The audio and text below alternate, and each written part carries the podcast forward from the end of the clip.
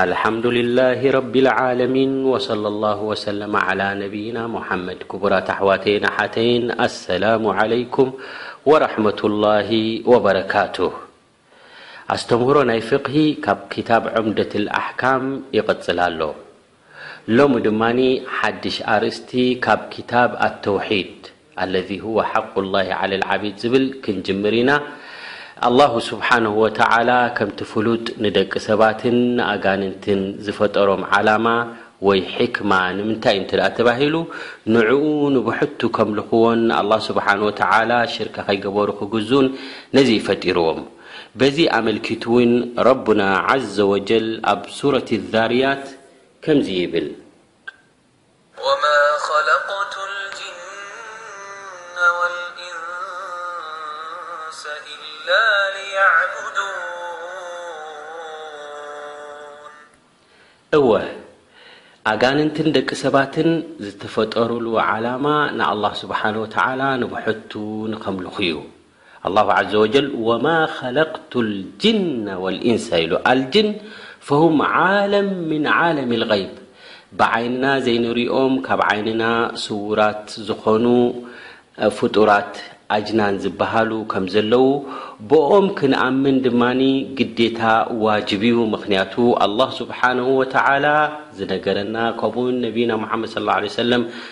ዘብርሁልና ስለ ዝኾኑ ብህላዌ ናቶም ክንኣምን ይግብኣና ማለት እዩ። እወ ኣጋንንቲ ንሕና እኮ ብዓይንና እንተዘይረኣናዮም ንሳቶም ግን ይርእዩና እዮም። ወሊዛሊክ ረቡና ዓዘ ወጀል እንታይ ኢሉ ኢነሁ የራኩም ሁወ ወቀቢሉሁ ሚን ሓይሱ ላ ተረውነሁም ንሕና እኮ ተዘይረኣናዮም ንሳቶም ከም ዝርእዩና ረቡ ዓዘ ወጀል ገሊጹልና ማለት እዩ። እሞ እዞም ኣጋንንቲ እዚኣቶም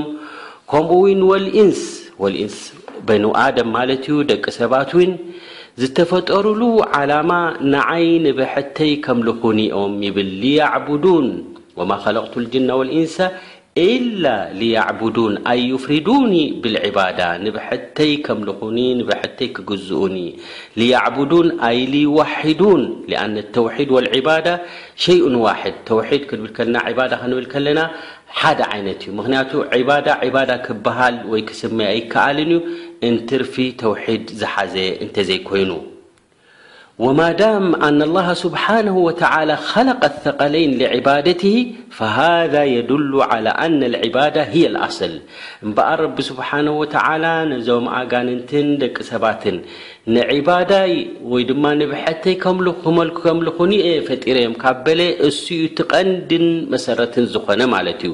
ኣነ ተውሒድ ሁወ ኣልኣስል ወልኣሳስ እሱ እዩ እቲ ቀንዲ ዕላማ ናይ ደቂ ሰባትን ን ኣጋንንትን ምፍጣር ማለት እዩ። እቲ ነቲ ዝተፈጠረሉ ዓላማ ኣብኡ ዝጓዓዝን ኣብ ተውሒድ ዝሓዘ ሰብ ድማ ፈመን ኣጣዐሁ ጃዛሁ ኣተመል ጀዛእ እኹል ብቑዕ ዝኾነ ኣጅሩ ረቢ ስብሓን ወተዓላ ኣዳሊሉሎ ነቲ ተውሒድ ዝሓዘ ሰብ። ወመን ዓሳሁ ዓዘበሁ ኣሸደ ልዓዛብ ነቲ እምብለይ ኢሉ ሓንኪሉ ድማ ኣይግዛእን እየ ንረቢ ኢሉ ኣብ ሽርኪ ዝወድቕ ሰብ ድማ እሞ ቶውባ ከይበለ ካብዚ ዱንያ እዚ እንተ ተፈልዩ ድማ ዓብይ ስቓይ ዝመልኦ መቕፃዕቲ ድማ ከምዘለዎ እውን ይሕብረና። ኣላህ ስብሓን ወተዓላ ደቂ ሰባት ተውሒድ ክሕዙ ብተውሒድ ክጓዓዙን ኣብ ተውሒድ ክራኸቡን ግዴታ ገይርዎ እዩ እንተ ደኣ ኣብ ሽርኪ ወዲቖም ኣብ ክሕደት ወዲቖም ንኣላህ ስብሓን ወተዓላ ሽርካ እንተ ደኣ ገይሮምሉ ኣላህ ስብሓን ወተዓላ ሁወ ልገኒ ላኪን ዓብዪ ከቢድ ዝኾነ መቕጻዕቲ ደቂ ሰባት ክረኽቡኦም ኣብ ሽርኪ እንተ ደኣ ወዲቖም ማለት እዩ ወሊዛሊክ ኣብ ሱረት ኢብራሂም ሰይድና ሙሳ እንታይ ኢሉ ወቃለ ሙሳ ኢን ተክፍሩ ኣንቱም ወመን ፊል ኣርዲ ጀሚዓ ፈኢነ ላሃ ለገኒዩን ሓሚድ እስኻትኩም ይኹን ኢልዎም ነቶም ዓንቂጾም ኣይንኽተለካና ናበሉ ኣብ ኩፍርን ኣብ ክሕደትን ዝዘንበሉ ሰባት እስኻትኩም ኮነ ኣብ መላእ ዓለም ናይ መሬት ዘለዉ እውን እንተኸሓዱ ብረቢ ስብሓን ወተዓላ ኣላህ ስብሓን ወተዓላ ስልጣኑን ክብረቱን ሙሉእ እዩ ትጉድኡ ንስኻትኩም ደኣ እምበሪ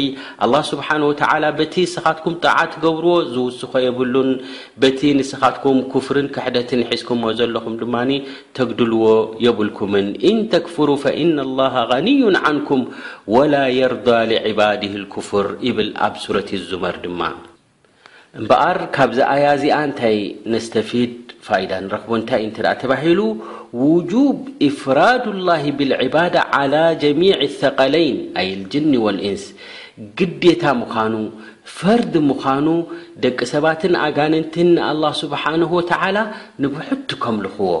ኣብ ሽርኪ ክወድቁ ከም ዘይብሎም ግዴታ ምዃኑ እቲ ተውሒድ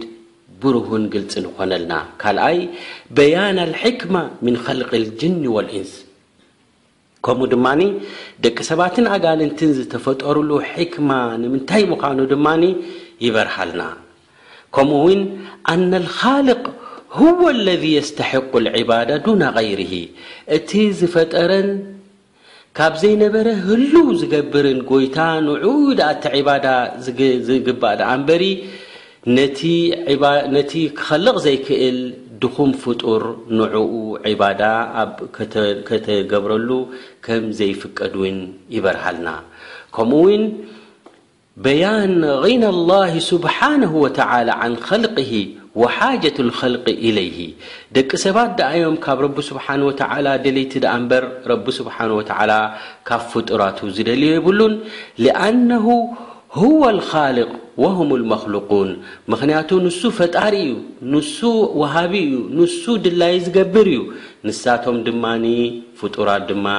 ክእለት የብሎምን ክገብርዎን ክፍጽምዎን ዝኽእሉን የብሎምን ብቲ እንትርፊ ብፍቓድ ናይ ኣላህ ሱብሓነሁ ወተዓላ ተዘይኮይኑ። ስለዚ ኣገዳስነት ናይ ተውሒድ ዓብይ ምኻኑ ይበርሃልና